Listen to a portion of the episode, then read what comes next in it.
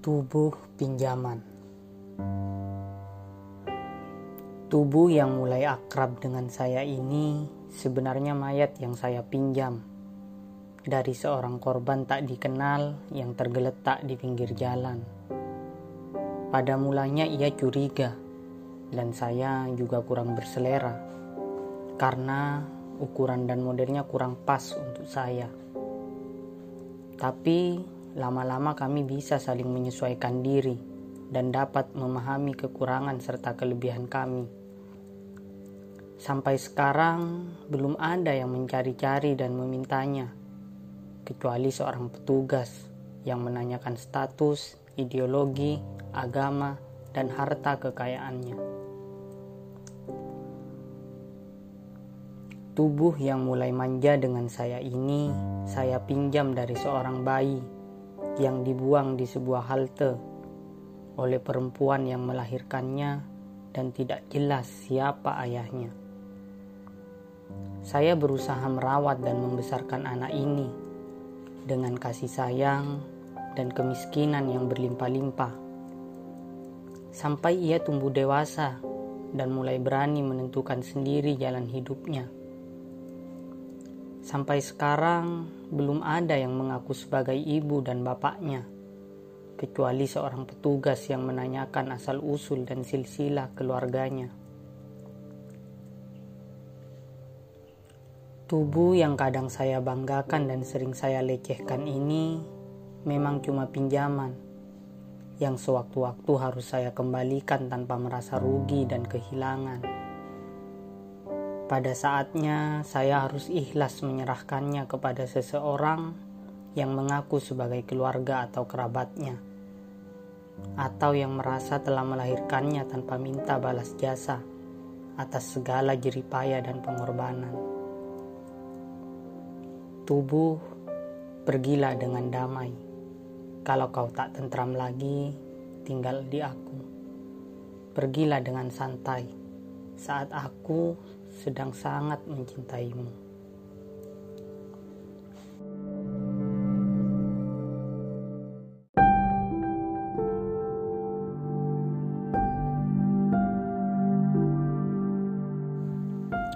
Surat malam untuk Paskah. Masa kecil kurayakan dengan membaca. Kepalamu berambutkan kata-kata.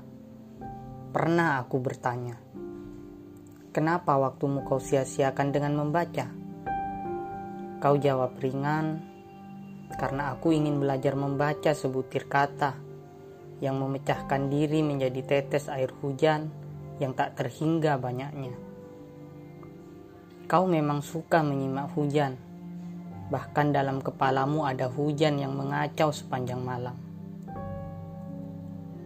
Itulah sebabnya, kalau aku pergi belanja, dan bertanya minta oleh-oleh apa, kau cuma bilang, kasih saja saya beragam bacaan, yang serius maupun yang ringan. Jangan bawakan saya rencana-rencana besar masa depan. Jangan bawakan saya kecemasan. Ku mengerti kini. Masa Kana adalah bab pertama sebuah roman yang sering luput dan tak terkisahkan kosong tak terisi, tak terjama oleh pembaca, bahkan tak tersentuh oleh penulisnya sendiri. Sesungguhnya aku lebih senang kau tidur di tempat yang bersih dan tenang. Tapi kau lebih suka tidur di antara buku-buku, berkas-berkas yang berantakan. Seakan mereka mau bicara.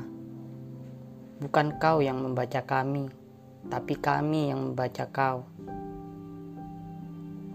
Kau pun pulas, seperti halaman buku yang luas. Dalam kepalamu ada air terjun, sungai deras di tengah hutan. Aku gelisah saja sepanjang malam, mudah terganggu suara hujan.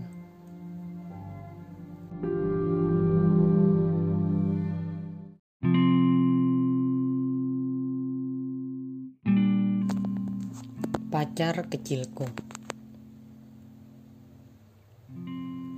Pacar kecilku bangun di subuh hari ketika azan datang membangunkan mimpi.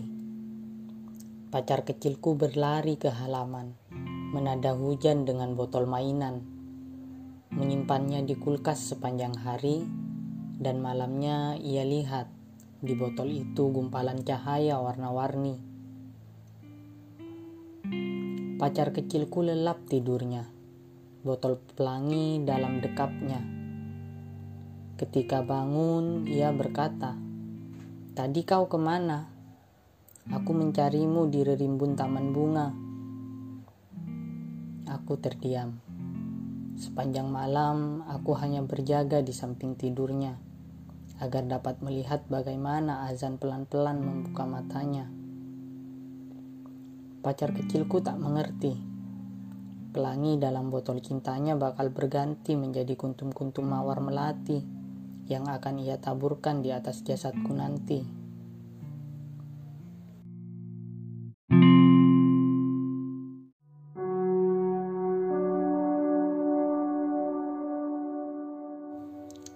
Mudik Mei tahun ini kusempatkan singgah ke rumah.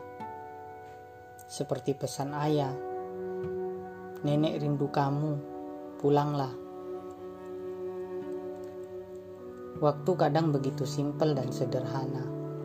Ibu sedang memasang senja di jendela. Kakek sedang menggelar hujan di beranda. Ayah sedang menjemputku, entah di stasiun mana.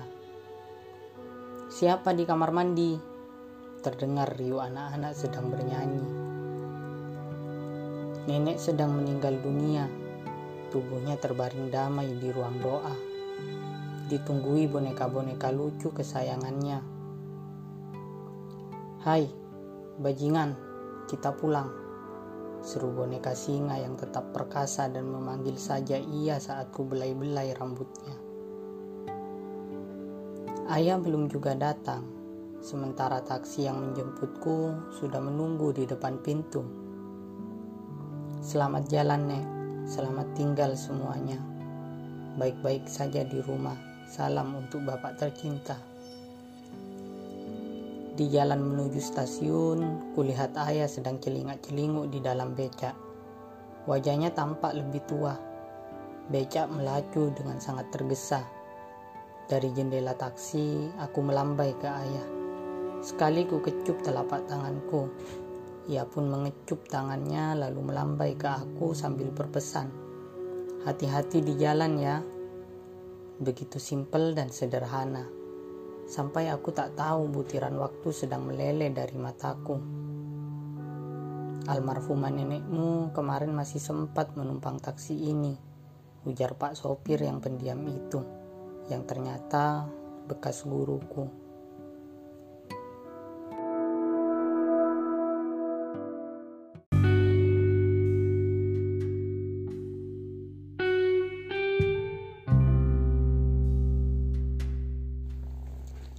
Penumpang terakhir. Setiap pulang kampung, aku selalu menemui bang becak yang mangkal di bawah pohon beringin itu dan memintanya mengantarku ke tempat-tempat yang aku suka. Entah mengapa, aku sering kangen dengan becaknya. Mungkin karena genjotannya enak, lancar pula lajunya. Malam itu aku minta diantar ke sebuah kuburan Aku akan menabur kembang di atas makam nenek moyang. Kuburan itu cukup jauh jaraknya, dan aku khawatir Bang Beca akan kecapean. Tapi orang tua itu bilang, "Tenang, tenang." Sepanjang perjalanan, Bang Beca tak henti-hentinya bercerita tentang anak-anaknya yang pergi merantau ke Jakarta dan mereka sekarang alhamdulillah sudah jadi orang. Mereka sangat sibuk dicari uang dan hanya sesekali pulang. Kalaupun pulang, belum tentu mereka sempat tidur di rumah karena repot mencari ini itu, termasuk mencari utang buat ongkos pulang ke perantauan. Baru separuh jalan, nafas Bang Becak sudah ngos-ngosan. Batuknya mengamuk pandang matanya berkunang-kunang. Aduh, kasihan. Biar gantian, saya yang menggenjot pak. Bapak duduk manis saja, pura-pura jadi penumpang. Mati-matian aku mengayu becak tua itu menuju kuburan. Sementara si abang becak tertidur nyaman. Bahkan mungkin bermimpi di dalam becaknya sendiri. Sampai di kuburan, aku berseru, Bangun dong pak. Tapi tuan penumpang diam saja. Malah makin pulas tidurnya. Aku tak tahu apakah bunga yang kubawa akan kutaburkan di atas makam nenek moyangku atau di atas tubuh bang becak yang kesepian itu.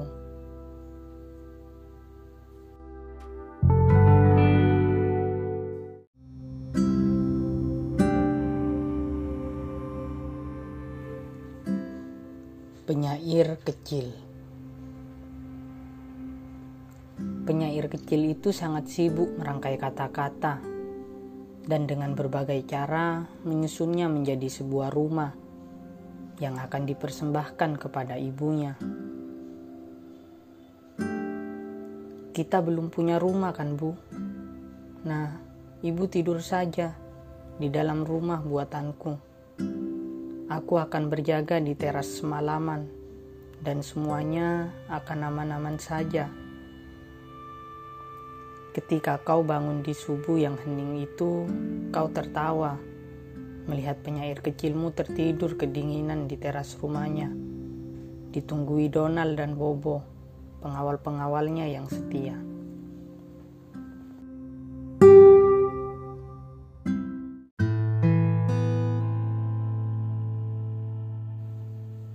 Anak seorang perempuan.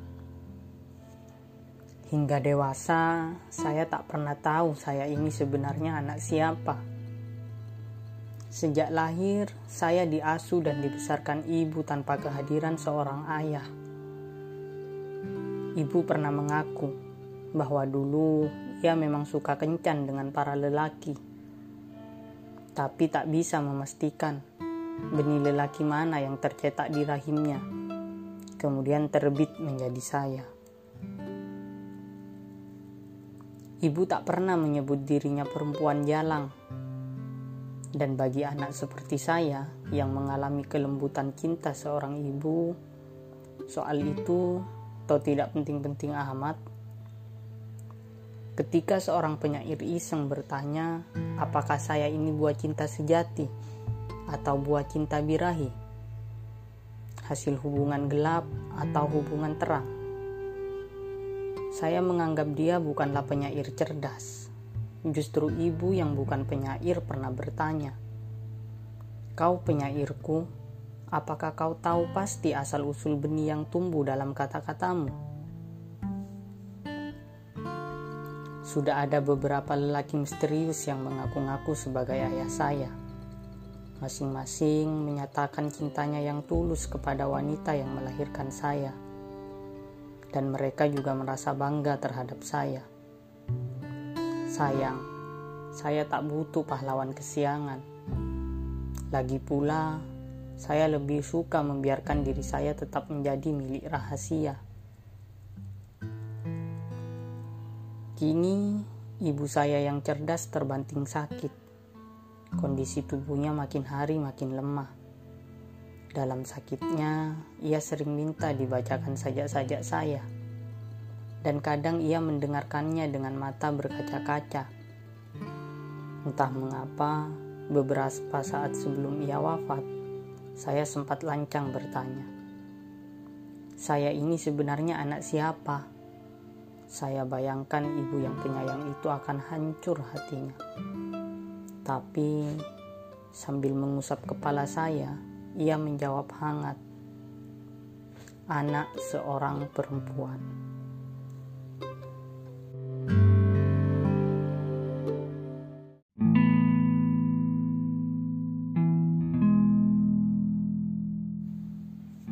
Baju bulan, bulan, aku mau lebaran.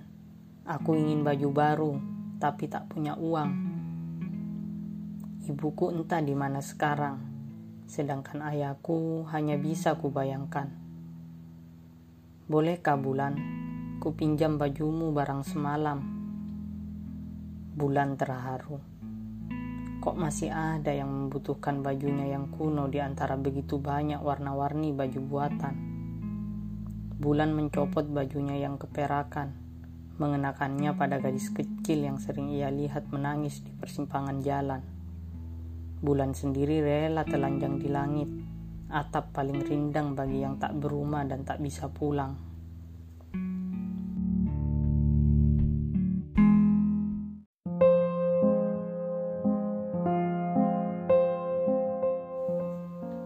Penjual kalender Pawai tahun baru baru saja dibubarkan sepi. Sisa suara trompet berceceran, sebentar lagi basi. Lelaki tua berulang kali menghitung receh di tangan. Barang dagangannya sedikit sekali terbeli. Makin lama, waktu makin tidak laku. Ia berkeluh sendiri. Anaknya tertidur pulas di atas tumpukan kalender yang sudah mereka jajakan berhari-hari. Lelaki tua membangunkan anaknya Tahun baru sudah tiba, Plato. Ayo pulang. Besok kembalikan saja kalender-kalender ini kepada pengrajin waktu. Perempuan itu masih setia menanti ketika dua orang pejuang pulang dini hari. Selamat tahun baru, tuan-tuan. Tuan besar segera mampus dihajar kantuknya. Tuan kecil segera ingin menyambung tidurnya. Ibunya menepuk pantatnya Kau telah dinakali waktu, Buyung. Kok tubuhmu terhuyung-huyung? Ia ibu yang pandai merawat waktu. Terberkatilah waktu. Dengan sabar dibongkarnya tumpukan kalender itu. Hah, berkas-berkas kalender itu sudah kosong. Ribuan angka dan hurufnya lenyap semua. Dalam sekejap, ribuan kunang-kunang berhamburan memenuhi ruangan.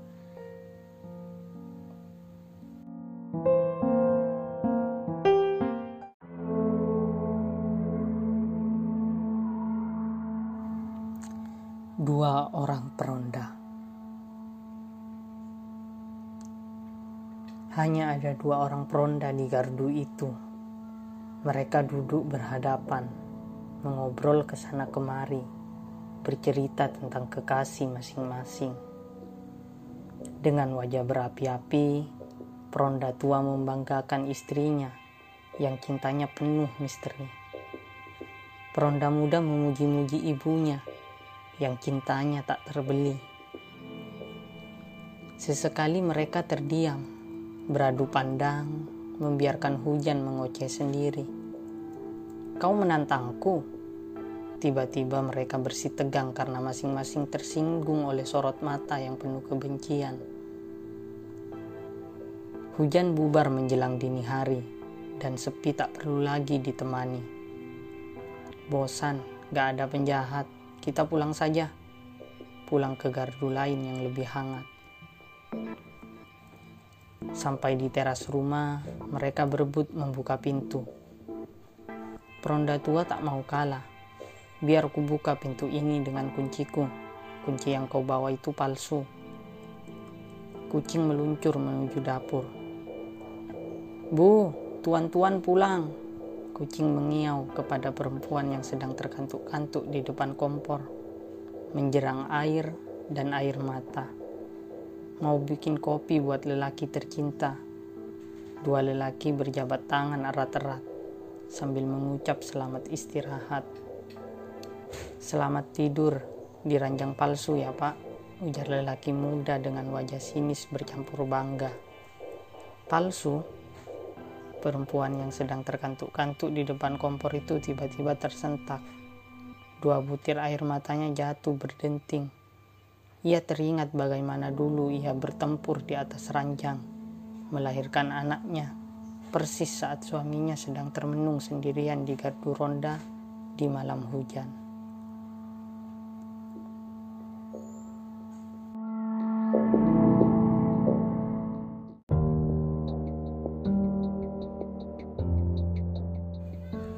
Jendela Di jendela tercinta, ia duduk-duduk bersama anaknya yang sedang beranjak dewasa. Mereka ayun-ayunkan kaki, berbincang, bernyanyi, dan setiap mereka ayunkan kaki, tubuh kenangan serasa bergoyang ke kanan kiri. Mereka memandang takjub ke seberang, melihat bulan menggelinding di gigir tebing meluncur ke jeram sungai yang dalam. Biur, sesaat mereka membisu. Gigil malam mencengkeram bahu. Rasanya pernah ku dengar suara biur dalam tidurmu yang pasrah, Bu. Pasti hati mula yang terjebur ke jeram hatiku. Timpal si ibu sembari memungut sehelai angin yang terselip di leher baju. Di rumah itu mereka tinggal berdua bertiga dengan waktu, berempat dengan buku, berlima dengan televisi, bersendiri dengan puisi. Suatu hari, aku dan ibu pasti tak bisa lagi bersama, tapi kita tak akan pernah berpisah, bukan? Kita adalah cinta yang berjihad melawan trauma. Selepas tengah malam, mereka pulang ke ranjang dan membiarkan jendela tetap terbuka Siapa tahu bulan akan melompat ke dalam, menerangi tidur mereka yang bersahaja, seperti doa yang tak banyak meminta.